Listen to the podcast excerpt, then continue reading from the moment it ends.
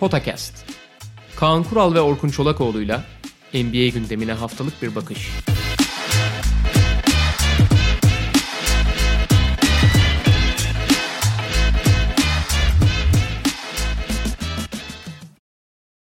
Merhaba Potakest'e hoş geldiniz. NBA'de sezonun ilk iki gününü geride bıraktık. İlk maçlar takımların birer maçı geride kalıyor ama tabii tek tek bütün maçlara değinmeyeceğiz. Belli öne çıkan konuları konuşacağız. Zaten yani şunu net biçimde gördük. Bazı takımlar için gerçekten hazırlık döneminin henüz devamı da demeyeceğim başı niteliğinde. Ve ödül tahminlerimizi konuşacağız bugün. Gerçi sezon başladı yani normalde usulen yapmamak lazım bunu. Sezon başladıktan sonra bir kenara koymak lazım ama affınıza sığınıyoruz. Tolere edeceğinizi düşünüyoruz. Henüz birer maç geride kaldı. Dediğimiz gibi biraz da hazırlık maçı e, kıvamında olduğu için bu sezona özel. Biz de bugün yapmakta ödül tahminlerimizi bir beis görmedik. Sezon öncesi tahminlerimizden şey yapmıyoruz ama ayrılmıyoruz inşallah. Yok. Yani Ha. ben bir de mesela geçen gün Twitter'a yazdım aynılarını söyleyeceğim. Hiç Ben öyle biliyorum. yamuk falan yok bizde. Bizde. Sen senin yamuk yapmaya niyetin var bildiğim kadarıyla çünkü. Hayır ya estağfurullah asla. Peki. Her şeyin hesabını vereceğiz burada. Bütün O zaman defterler MVP ile açılacak. başlayalım. Ödüllerle mi başlayalım Evet. peki? MVP kim diyorsun? Tamam ben Damian Lillard dedim. Şöyle mesela yazdığım şeyi biraz açayım. Ya sonuçta Twitter'a tweet atıyoruz yani.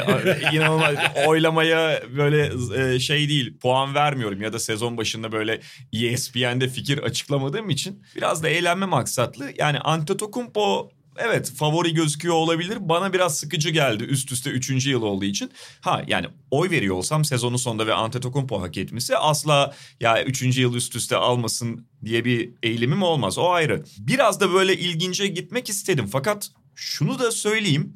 Mesela çok fazla Doncic yanıtı geldi ve insanlar Doncic'i favori olarak görüyor. Bunu da çok anlayabiliyorum. Yani geçen sezonki performansı ortada.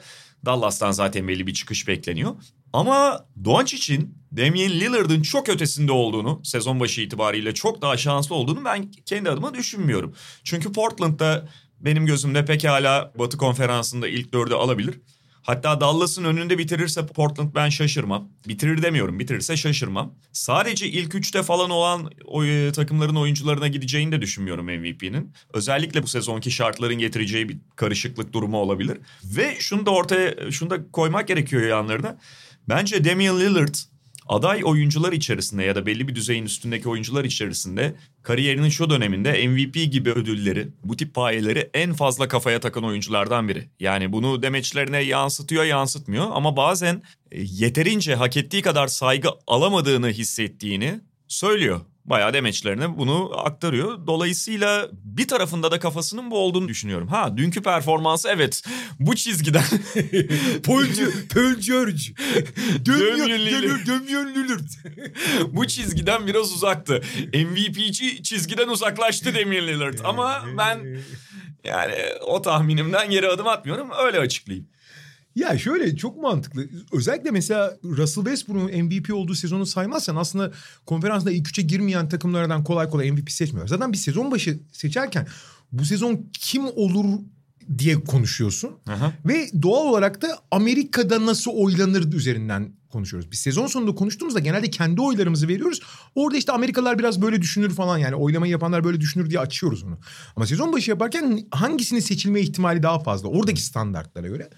Ve senin söylediğinde bir, çok mantıklı yani. Damian Lillard her sene üstüne koyan yani yaşı artık kariyerinin olgunluk döneminde bile biraz LeBron gibi belki Kobe gibi Jordan gibi gelişmeyi, oyununa boyut katmayı devam ettiren bir oyuncu. Hele geçen senenin şeyini hatırlarsan abi Ocak Şubat dönemini falan yani oynadığı basketbolun akıllı yani akıllara durgunluk veren bir basketbol. oynadı. Bubble üstüne.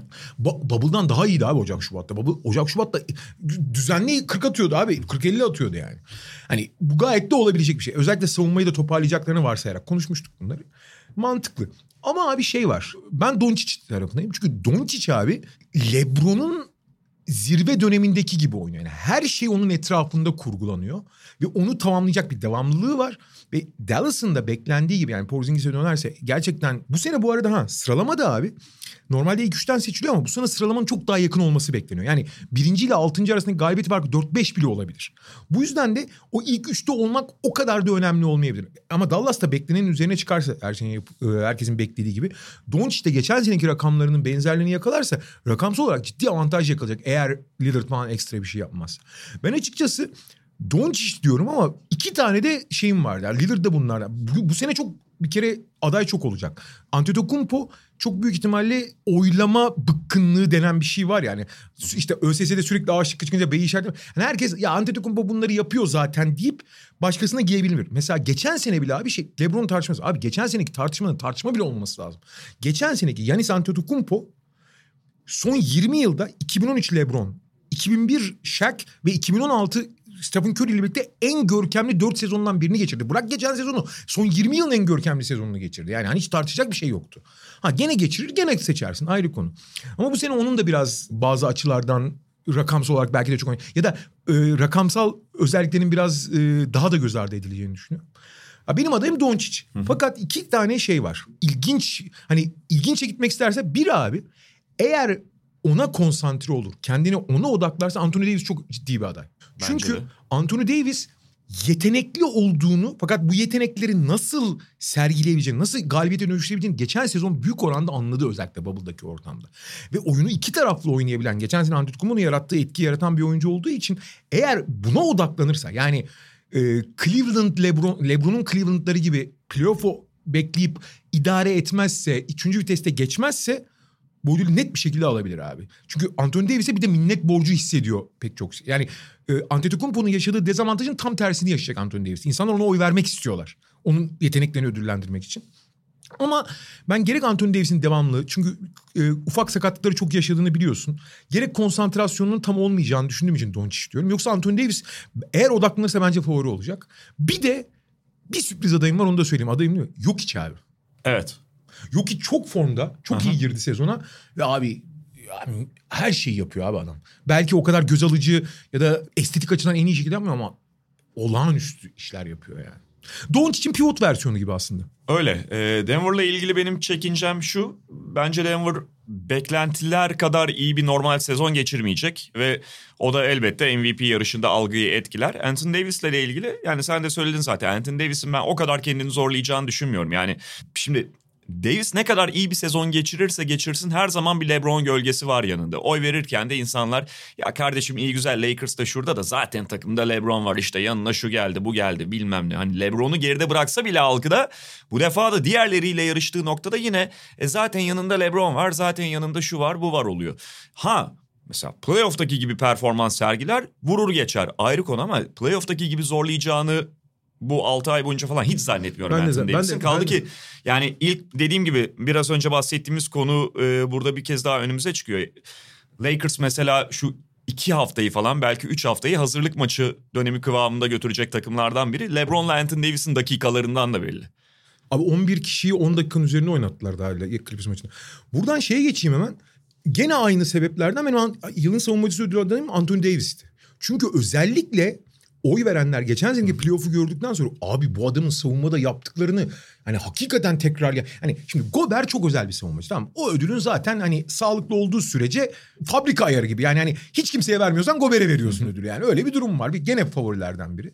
E Antetokounmpo ama geçen sene Antetokounmpo'ya verdikleri payeyi bu sene Anthony Davis'e vermek istiyor. Çünkü savunmada yarattığı etkinin ne kadar büyük olduğunu playoff'ta özellikle daha fazla gördüğümüz için onun göz ardı savunma bir de daha fazla göz ardı edilen bir şey mi? Vermek isteyeceklerdir ama bu tabii Anthony Davis'e bağlı. Ben yine de Davis'in bu konsantrasyonu gösteri sezon boyunca göstermesinin düşük olduğunu inansam da e, favori olarak başladığını düşünüyorum. En azından yarışa favori başlıyor Anthony Davis. Ben de orada o kategoride Anthony Davis diyordum. Yani Lakers'ın da iyi bir savunma takımı e, olmayı sürdüreceğini düşünerek bu sezon başı hallerine çok takılmamak lazım. Orada toparlanacaktır Lakers. E belli bir düzeyde olunca, ilk 5 düzeyinde olunca da Anthony Davis e, buradan söylediğin gibi en büyük payeyi alacak oyuncu.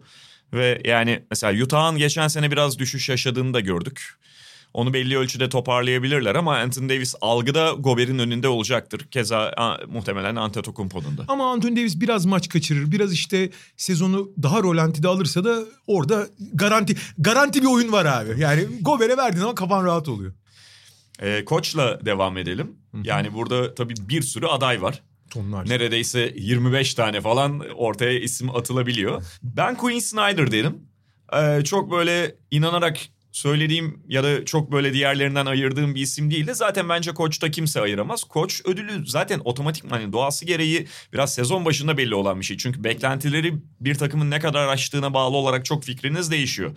Ha sezon başında da bu, burada bir ironik durum da var. Çünkü sezon başında beklenti aşımı e, üzerinden tahmin yapmazsın ki yani. O zaman bek- bekliyorsundur bir şeyleri. Ama Utah'ın şöyle batıda ilk üçte olacağını düşünüyorum ben. E, ve öyle bir durumda da yani öyle bir başarının kredisi büyük ölçüde Quinn Snyder'a verilecektir. Hatta hatta yani çok iyi bir normal sezon takımı olabilir Utah.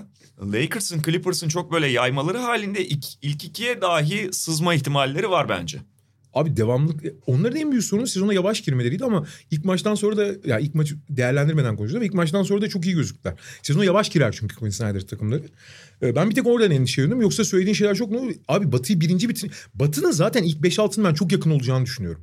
Değişik sebeplerden dolayı.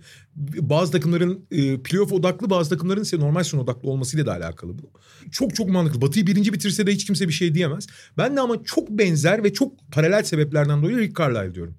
Evet. Ben de o yüzden yani Rick Carlisle'ı e, zaten Rick, yani bu arada Quinn Snyder ve Rick Carlisle çok da kaliteli koçlar. Bazen e, ödülü kalitesiz koçların aldığını da görüyoruz. Ki zamanında abi işte Sam Mitchell'lar şeyler Dwayne Case'ler falan aldı abi. Eh yani yani. E, O ödülün de o ödülü verenlerin de bir kendine çeki düzen vermesi lazım.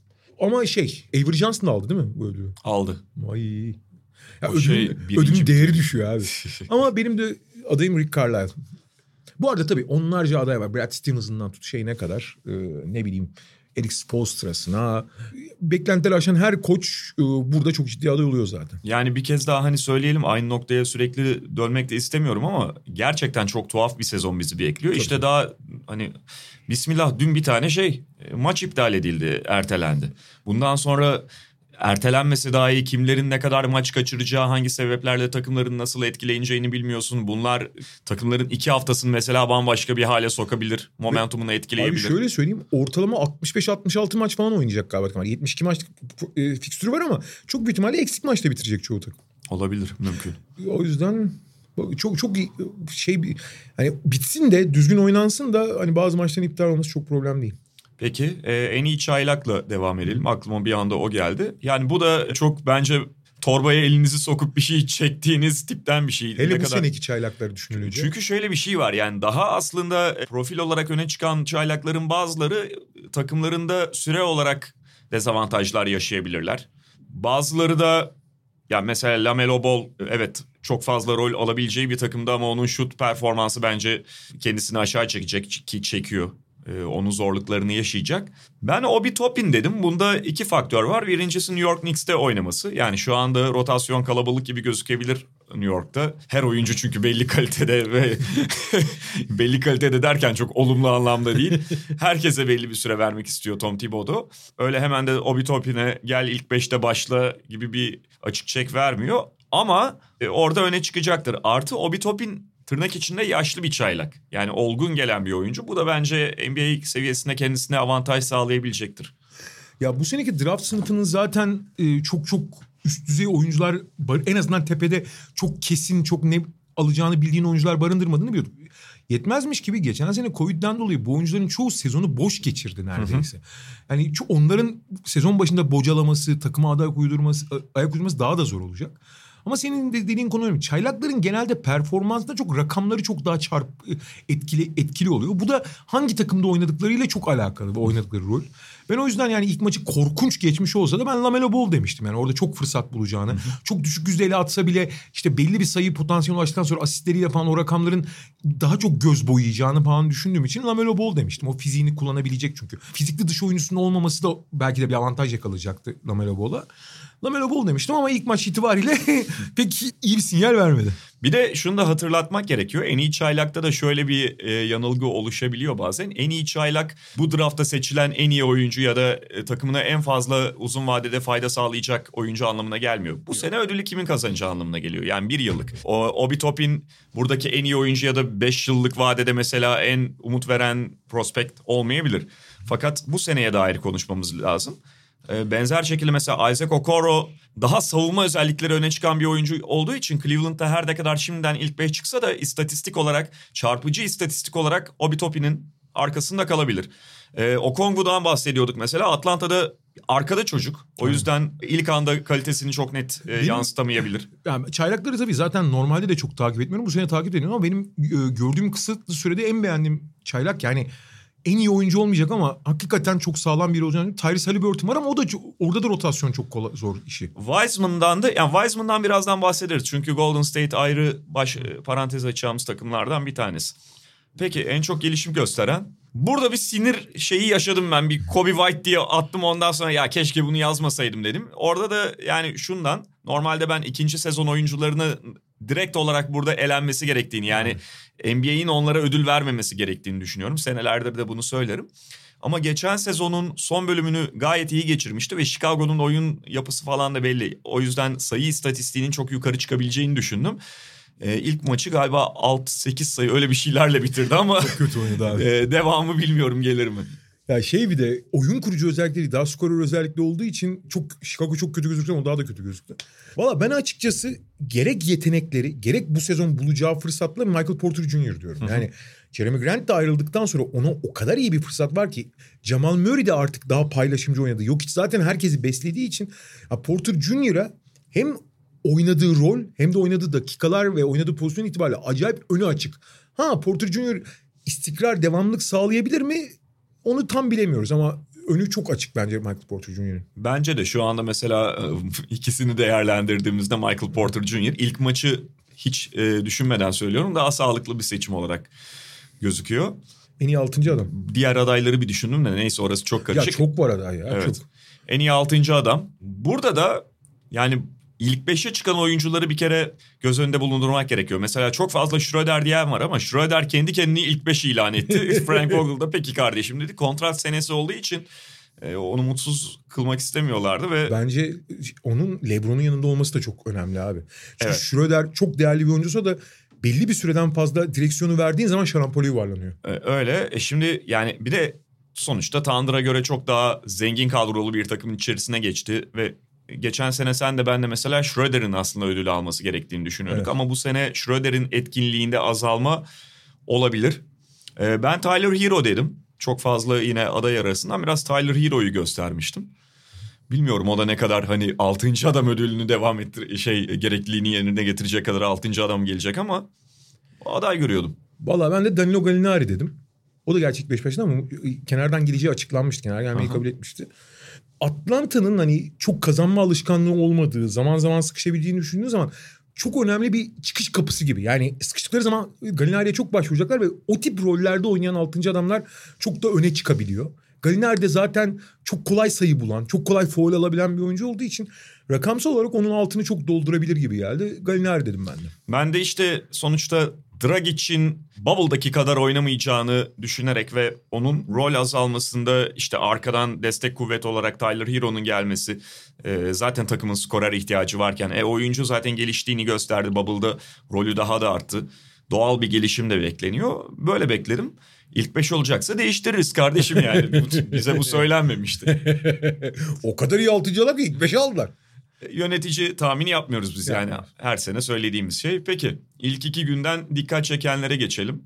Geçelim. Ee, Golden State demiştin oradan başlayalım. bence evet Brooklyn Golden State ile başlayabiliriz. Çünkü her ne kadar dediğimiz gibi ilk maçlara çok dikkatli yaklaşmak gerekse de bireysel performanslar bazında ya da işte Golden State'in noksanlarını ifade etmesi açısından Brooklyn Golden State maçı bir şeyler gösterdi. Ee, Brooklyn ile olumlu tarafla başlayalım. Kevin Durant ve Kyrie Irving çok iyi gözüktüler bir kere. Bu da fazlasıyla mutluluk verici Nets açısından. Valla zaten hani en büyük soru işareti Kyrie'nin zihinsel, Kevin Durant'ın fiziksel durumu. Nasıl olacaktı? Kevin Durant zaten hazırlık maçlarında da çok iyi gözüküyordu fiziksel olarak. Ee, ilk maçı da hani şey gibiydi. Abi sen bilmiyor olsan Kevin Durant'in sakatlandığını, geçen sene oynadığını düşünsen, sezonun ilk maçı Kevin Durant çıktı desen sakatlıktan döndü der misin? Yok. Demezsin. Yani tamam ritmi ya da bir şeyleri eksik gibi görünüyor ama abi hiçbir sakatlanmamış gibi gözüktü. Ki yani o kadar uzun süre basketbol oynamış oyuncunun en azından ritim kaybetmesini beklerdim. Ben çok şaşırdım. Umarız da böyle devam eder. Daha önce söylemiştik ama yani Aşil oyun stili Aşil'den görece daha az etkilenen bir stilde bir oyuncu olduğu için biraz daha iyi dönme ihtimali yüksekti ama böyle dönmesi de hakikaten bir tıp ve basketbol mucizesi olsa gerek ama çok da sevindirici diğer taraftan. Ama mesela maçı çok iyi oynamış olsa da maçın esas büyük kırıcısı maçı kıran. Hı hı. Abi şimdi Kyrie öyle bir karakter ki abi. Ya Şam şeytanı ya. Yani e, maçı sen anlattın değil mi? Yani abi maçı izliyorsun. Şimdi bazı oyuncular var. Mesela Kawhi, LeBron, işte Durant de onlardan biri. Onlara savunma yapıyorsun. Fakat işte biri gücüyle, biri tekniğiyle, Durant boyuyla falan öyle bir yerden bir şey yapıyor ki yetmiyorsun. Bu ama çok sinir bozucu olmaz o kadar abi. Abi Kyrie kadar sinir bozucu bir herif yok ya. Yani çünkü harika savunma yapıyorsun ve bir yerlerden bir şeylerden bir çıkıyor ve yani çıldırtır adamı abi. Hakikaten çıldırtır yani. Böyle bir ıı, yaratıcılık, böyle bir topa hakimiyeti falan yok ve kendi maça odaklandığı formda olduğu zaman falan hakikaten paramparça ediyor. Yani şey gibi başka bir seviyede oynuyor adam. Topla hareketlendi. Sanki o maçlardan birini sergiledi. Şutu da giriyordu. Zaten devrenin sonunda kaldırdı. Curry Lillard yani Curry ile mesafesinden Lillard mesafesinden soktu falan. Acayip şeyler yaptı. Yani Durant şey gibiydi. Yanında takıldı gibiydi. İyi oynadı yanlış anlaşılmaz. Artı şey rolleri de iyi belirlenmiş. Mesela Karis LeVert'e nasıl bir rol biçilecekti? Hı hı. Ona ikinci beşin liderliği gibi. Kyrie ile Durant olmadığı zamanlarda da ona da belli sayıda top kullanabileceği, öne çıkabileceği bir rol belirlenmiş. Spencer Dinwiddie daha biliyorsun geçen sezonun büyük bölümünde takımın lideri gibiydi. Bu sefer daha tamamlayıcı bir rol belirlenmiş. Ee, e, sonuçta ben Jared Allen'ın ilk beş başlaması gerektiğini düşünsem de o DeAndre Jordan'ın arkadaşlık ilişkilerini ilk beşe yerleştirmiş. Ama onların hepsi de dengelenmiş. Herkese gönül indirilen roller de belirlenmiş ve herkes kabul etmiş gibi gözüküyordu. Ve yani her açıdan Brooklyn olabilecek en iyi senaryo gibi karşımıza çıktı. Golden State'ten bağımsız konuşuyorum. Hı hı. Ama tabii abi şöyle bir şey var. Bütün bunlar arasında hepsinin devam edeceğini, daha iyi gideceğini de düşünebiliriz. Çünkü konuşmuştuk seninle. Steve Nash'in yanında çok güzel bir teknik ekip var. Steve Nash'in çok iyi bir iletişimci olduğunu, çok iyi bir karakter olduğunu biliyoruz. Ama abi Kyrie'nin olduğu yerde her zaman tik tak diye bir saatli bomba çalışıyor yani. Kyrie'nin yarın saçma sapan bir şey yapmayacağı ve Kevin Durant gibi aşırı alıngan ve aşırı kendi doğrularına giden bir oyuncuyla problem yaşamayacağı ya da başka bir tür problem olmayacağının garantisi yok. Ee, ama şu anki görüntü bence yani beklent yani Brooklyn'in potansiyelinin çok yüksek olduğunu söylüyordu ama beklentiler potansiyelin hep altına konuyor doğal olarak. Tavanı çok yüksek ama o tavana ulaşması çok zor diyordu. Şu anda o, tav o tavana doğru bir ışık gösterdiler. Ya ben de şunu söyleyeyim evet Kyrie Irving harika gözüktü, Kevin Durant harika gözüktü. Bunlar da tabii ki sevindirici ama Brooklyn'in takım olarak nereye varacağı, varabileceği konusunda çok fazla şey görmedik. Yani bu bireysel performanslar üzerinden Brooklyn'e dair fazla gaza gelmemek gerekiyor. Çünkü birincisi açıkçası çok rakip yoktu önlerinde. Şimdi Golden State tarafına geçeceğiz. İkincisi bazı mesela senin saydığın parçalardan özellikle Dinwiddie bu şu anda detay kalıyor olabilir ama e, sırıtıyor bence o rolde. E, sırıtması da normal çünkü Dinwiddie şutör değil. Tabii, tabii. Dinwiddie topla oynamayı seven ve topla verimli olan bir oyuncu. Ve çok iyi pasör de değildir Dinwiddie. Evet. E, Dinwiddie'yi şimdi sen şey diye koyuyorsun. Abi sen tamamlayıcısın, savunma, spot up shooter. E, onları yapamıyor ki adam. Mesela bir şekilde Bruce Brown'u rotasyonda öne almaları falan daha sağlıklı olabilir. Zaten nihayetinde e, takasta gidecek bunlardan biri. Yani hem Levert hem Dinwiddie orada bir lüks haline alacaklar. Ama bu maçta hissedilmedi. Ha Golden State tarafına gelirsek yani yine ilk maçtan negatif anlamda da çok fazla şey çıkarmamak gerekiyor belki ama bu Golden State takımı Geçen sene Stephen Curry'nin eli kırılmadan önceki o 5 maçlık periyottaki Golden State gibi neredeyse. Curry ve ona destek veremeyen, onun çok yalnız kalmasına sebep olan yetersiz bir kadro. Evet daha iyiler geçen sezonki o kadroya göre. Ama Wiggins'in hali nedir yani? Ubre, ubreliklerini gösterdiğine. Wiseman da Wiseman evet potansiyel sunuyor ama o potansiyelle birlikte 19 yaşında olduğunda hatırlıyorsun maç içerisinde birçok pozisyonda. Artı çok bacakları güçlü değil. Onun daha e, zor maçlarda daha krit yani daha ana yapması gereken işlerde biraz sorun olabilir. Her ne kadar bazı olumlu özellikler topu yere vurabiliyor o boyda bir oyuncu için. Şutu da beklenenden Şutu da beklenenden iyi. iyi. Ve geçen sene hiç oynamadı biliyorsun Wiseman. Yani evet, o yaklaşık bir maç. buçuk, bir buçuk senedir falan oynamıyor. İyi yaptığı şeyler var ama iyi yaptığı her şey bu arada kö- potansiyeli var. İyi yaptığı her şey ikincil abi. Asıl yapması gereken işler konusunda özellikle bacaklarının zayıflığı falan problem olacak gibi bence. Draymond Green yoktu. Draymond, ama Draymond Green'in gelmesi bu takımın şu anda görünen sorunlarına o kadar ilaçtı. Çünkü sorun genelde hücumda gibi gözüküyor esas. Hani Wiggins'in yani Wiggins dökülüyor falan da biraz da kalınlaşmış. Belki hani fizik olarak kendini alışmadı fiziğe falan diyorsun ama abi alternatifler falan da korkunç. Ya ben geçen sene işte e, bazı oyuncuların bu sezona yardımcı parça olarak eklenebileceğini düşünüyorum. Ben çoğunun yetersiz olduğunu düşünüyorum. Pascal'lar işte Pool'lar falan. Abi yok yani hani olacak gibi değil. Ki biliyorsun Golden pek çok kişinin aksine ben Golden State'ten çok ümitsizdim. Yani ilk maçtan bir şey söylememek lazım ama Golden State'in sorunları gerçekten çok yapısal sorunlar. Yani Wiggins kötü oynadı, Ubre kötü oynadı sorunları değil. Bunlar iyiye gitmi iyiye gitmesi çok zor olan başka çözümler gerektiren sorunlar yani. Ee, şey biliyorsun yani konuşmuştuk da galiba geçen hafta Batı konferansını e, değerlendirirken. Clay Thompson'ın sakatlığından sonra Steve Kerr takımına hani savunmada ilk 10 olalım. İlk 10 içerisinde olalım diye bir hedef koyuyor. Şimdi o biraz da şeyden Clay Thompson sakatlandığı anda eyvah biz hücum hücum edemeyiz kabulünü kabulüne geldi galiba Steve Kerr ki sahada onu gördük. Çünkü Stephen Curry dışında takımın şut konusunda ve sahayı açma konusunda çok kısıtlı kaldığını görüyoruz. Stephen Curry'nin olduğu bir takıma şut problemi var diyoruz abi. Öyle. Şey de çok kötü. Şimdi diğer süper yıldızlarla kıyasladığın zaman Stephen Curry'nin şöyle bir fark var. Stephen Curry'nin varlığı diğerlerinin işini kolaylaştırıyor.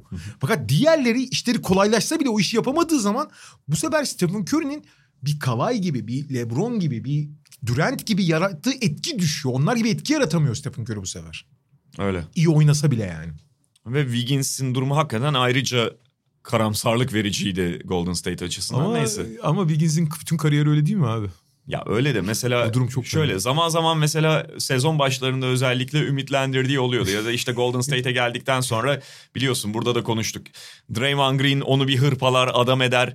Bak ilk şöyle şu maçta da iyi oynadı falan bir gaza getirdiği oluyordu. Andrew Wiggins'in en sevdiğim lakabı ne mi? Biliyorsun bazı oyuncuların böyle e, yeraltı lakapları oluyor meme gibi. Platonik aşk abi. Böyle söyle çok gereksiz bir yerde öyle bir ümit veriyor ki iki ay ümitle yaşıyorsun ama alakası yok yani. Hani o aşk bir sonuca varmayacak abi bunu kabullen yani. Abi artık bence onu da değiştirmek gerekiyor. Yani ümit bile vermeyi... Neyse şimdi sefer ilk vermedi. çok hani DM'ye dönmeli olsun. Ee, peki başka maçlara geçelim. Yani işte hem ilk günün ikinci maçı Lakers Clippers hem de dünkü bir sürü maçtan bazılarını seçebiliriz. Ben Lakers Clippers'ta gerçekten e, konuşacak çok fazla şey olmadığını düşünüyorum. tek Clippers şeyden- açısından sadece bir şey söyleyeceğim. Ben de aynı şeyi söyleyeceğiz herhalde. Ibaka mı?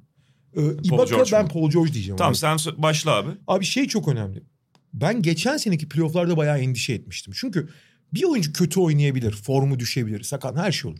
Fakat abi üst düzey oyuncunun hele ki izolasyonla oynayan bir oyuncunun özgüven kaybetmesi çok ama çok tehlikeli bir eşiktir.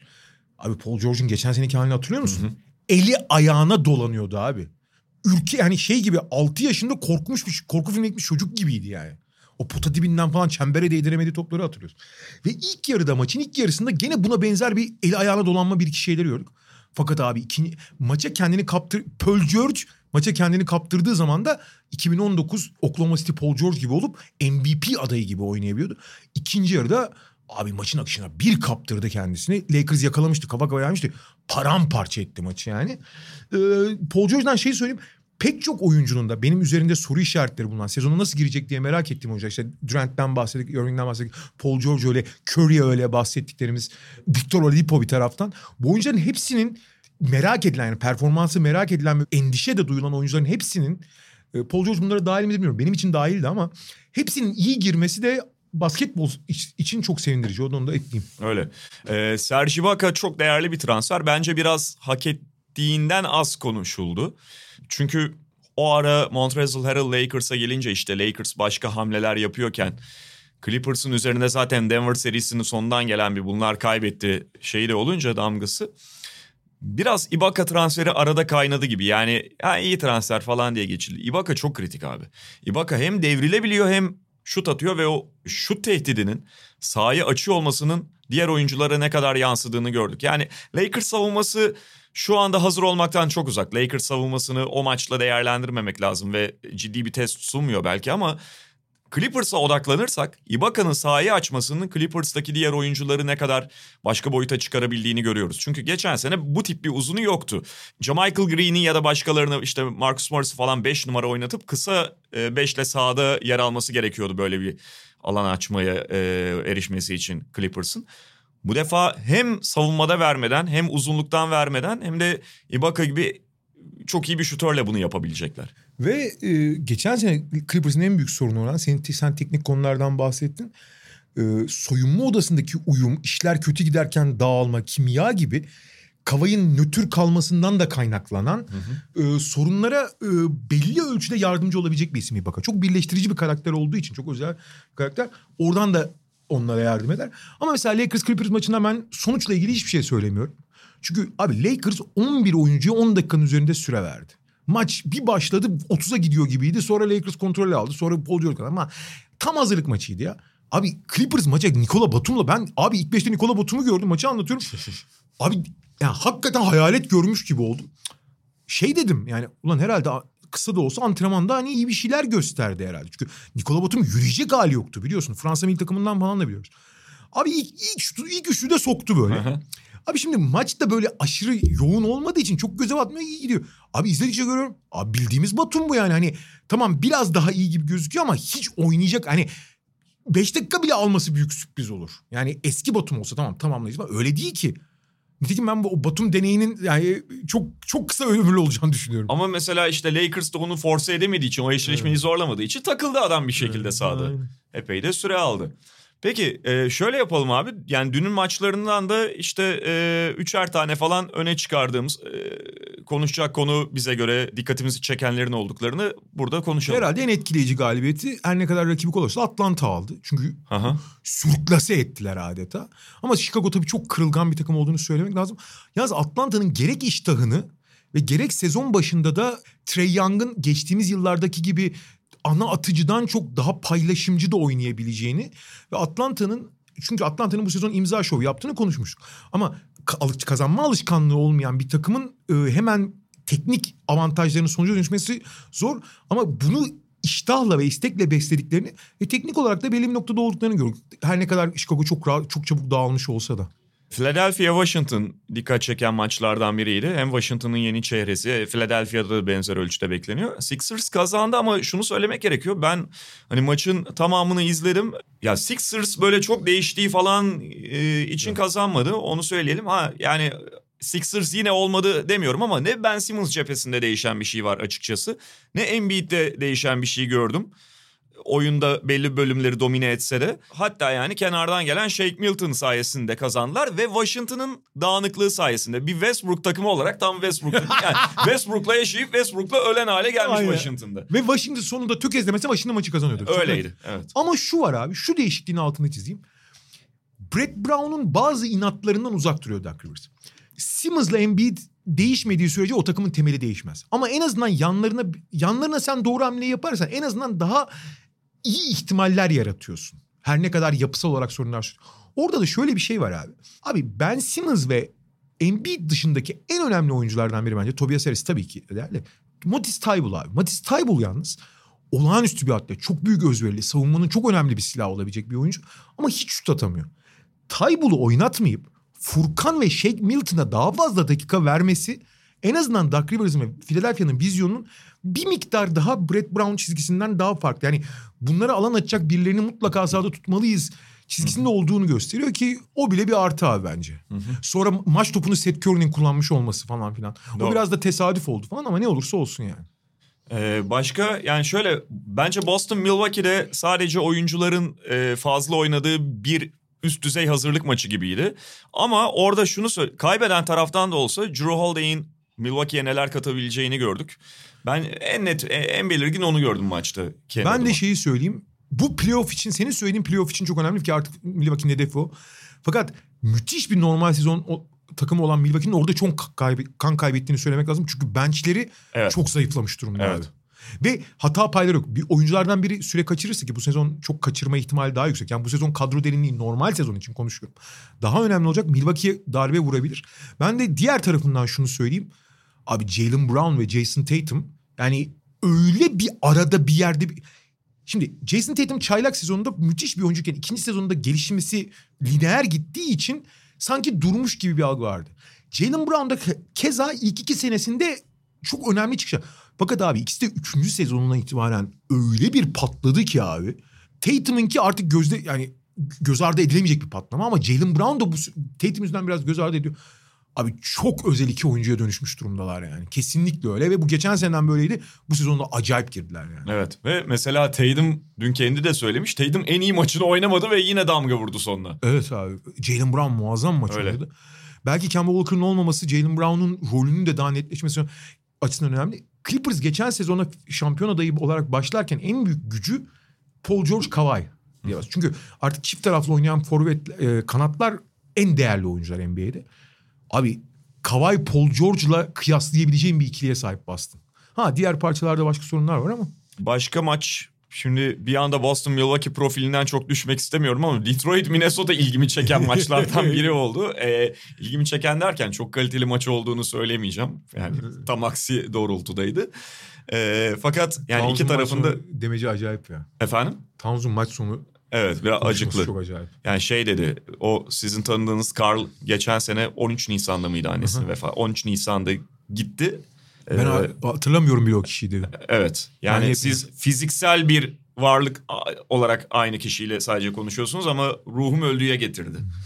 Minnesota yine savunma ya- yapamıyordu beklendiği gibi. Detroit'e karşı yapamıyorlardı. Ryan Saunders da bari alan savunması yapalım dedi ve Detroit'in en büyük kağıt üzerinde de belli olan zayıflığını yüzlerine vurdu. Galiba 35'te 8 ile bitirdi 3 sayılıklarda Detroit ve çok rahat götürecek gibi gözüktükleri maçı verdiler.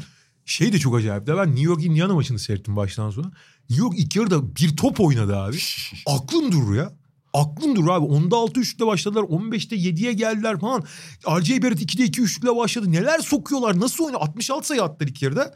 Sonraki 20 dakikada 26 sayı attılar. İkinci yarı bir çakıldılar ki. Ee, yani çok şaşırtıcı ama şey şeyi de göre, gördüm ama bak o olumlu bir şey.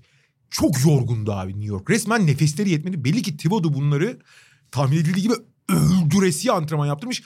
Yürüyecek halleri kalmadı ikinci yarıda. Bu olumlu ama New York için abi. Kondisyon yüklemişti bu. Ama hakikaten öyle ya. Yani şeyde Bolu'da şeyde, tabii. Abant kampında. Kondisyon yüklü. Başka şey e, tabii Sacramento'nun Denver'ı yenmesi bir ölçüde sürpriz. Onu söylemek lazım. Ya Dallas Phoenix'e çok bakamadım. Ee, Ben. Şu önemli savunmasıyla kazandı Phoenix. Hı hı. Yani iki tarafında iyi hücum etmediği bir günde Dallas gibi ofansif potansiyeli çok yüksek bir takımı tutarak kazanabiliyor olmak. Tamam sezonun ilk maçı ama değerli bir galibiyet. Devin Booker çok iyi başlayıp çok zayıf bitirdi. Doncic de çok kötü başlayıp çok iyi bitirdi. Ama sonunda kazandı. Michael Bridges abi çok ön... Ha bu arada en çok gelişme kaydeden oyuncu için Michael Bridges'i de yazmak lazım. Çok acayip bir oyuncu olmaya doğru gidiyor. Evet. Ee, önemli maç. Bir tane daha çok ya işte Sacramento Denver dışında bir Toronto tane... New Orleans'ı belki Ha. konuşuyor. O gün e, şey o maçta New Orleans çok iyi şut attı ki kötü şut atarak biraz o şüphelerimizi doğru çıkaran şekilde şut atarak başlamışlardı ama sonrasında çok iyi şut attılar özellikle ikinci yarıda. Ve iyi, iyi şut attıkları için de Zion Williamson'a biraz alan kalınca da onun Evet. Etkisinin ne kadar olduğunu gördük. O da e, beklenmedik bir başlangıç Yani açıkçası. umarım Eric Bledsoe özellikle böyle şut atmayı sürdürür. Çünkü Ee, bir çok, talihsiz. çok, çok ümitlenmesen, çok ümit yani bağlamasan diyorum ben o işe. Ee, bir de şeyden bahsedelim. Yani demin Utah'tan biraz bahsettik ya ve Utah işin ilginci Utah e, şimdi iyi şut atmasının yanında hani şut atabildiklerini biliyoruz da pota altında ezdi Portland'ı maçta. Pota altında ezdi ama şöyle bir şey var abi. Geçen sene, geçen sene başında bir karar almıştı Utah. Yani ligin hep elit savunması, ilk dört savunmasından biri oluyoruz ama bir yere kadar geliyoruz ve artık hücum takımı olacağız. Gober var. Gober zaten bizi belli bir seviyenin üzerinde taşır ama her şey hücum. Zaten tamamen hücumculara döndüler. Bütün savunma özellikle oyuncuları. Derek Favors falan da ayrılmıştı. Geri geldi bu sene de. Ve abi ortalamanın biraz üstünde savunma yaparsak da bu takım özellikle şut performansı çok etkili olacak. Abi dün Utah kazandı. Zaten üçüncü çeyrekte çoktan bitmiş maç. Sürklase ettiler ki çok kolay yani kağıt üzerine çok zor bir rakipti Portland. Abi 50 üçlük denedi. Abi 50 üçlük biliyorsun Houston standart yani çok acayip bir yer yani. 50 üçlük denedi ve sanki zorla üçlük atıyormuş gibi değil. Yani bunu sezon boyunca yapmaya hazırlar ve onun üzerine çok kurgulanmışlar gibi gözüktü ki pot altında eziliyorsun. Fakat pot, işte o da zaten alan açıldığı için pot altında çok alan bulmasıyla Gober'in ve Favors'ın etkisi etkinliğiyle alakalı. Abi 50 üçlük standartı bu sezon ligin en çok üçlük atan 3-4 takımından biri olacaklar ve bu onlara seviye atlatacak abi gözüken o. Houston demişken onlar oynayamadı. Oklahoma City ile merakla beklenen maçları gerçekleşemedi. Bir de ben son şeyden bahsedeceğim. Yani Memphis'in JJJ'in yokluğunda zorlanma ihtimalinden bahsediyorduk. Onu kaçıracağı sürede onların çok geride kalabileceğinden ve ilk maçta hiç savunma yapamadılar. Hiç. San Antonio karşısında. Ja Morant olağanüstü oynamasına rağmen fark yedi Memphis. Ve ilk haftanın en acayip hareketini yaptı abi John Morant. Şey San Antonio'da klasik San Antonio gibi 7 kişi çift haneleri çıkıp abi tıkır tıkır kazandı. Evet ilk program için ilk iki günden bu kadar diyebiliriz. Bilmiyorum, Küçük bir özet şey geçtik. mı? Şimdilik yok. Önümüzde Noel var. Zaten hani Noel ve öbür hafta ile birlikte bakalım neler çıkaracak öbür hafta önümüze. Ama hazırlık dönemi devam ediyor. Yani onun altını çizelim. Abi zaten sezon arası çok azdı. Kamp çok azdı. E, bazı takımlar çok hazır bu arada. Bazı takımlar çok keskin giriyorlar. Ama pek çok takımın daha gerçekten hazırlık döneminin ikinci yarısını yaşadığını söylemek lazım. Peki haftaya tekrar görüşmek üzere. Hoşçakalın. Hoşçakalın.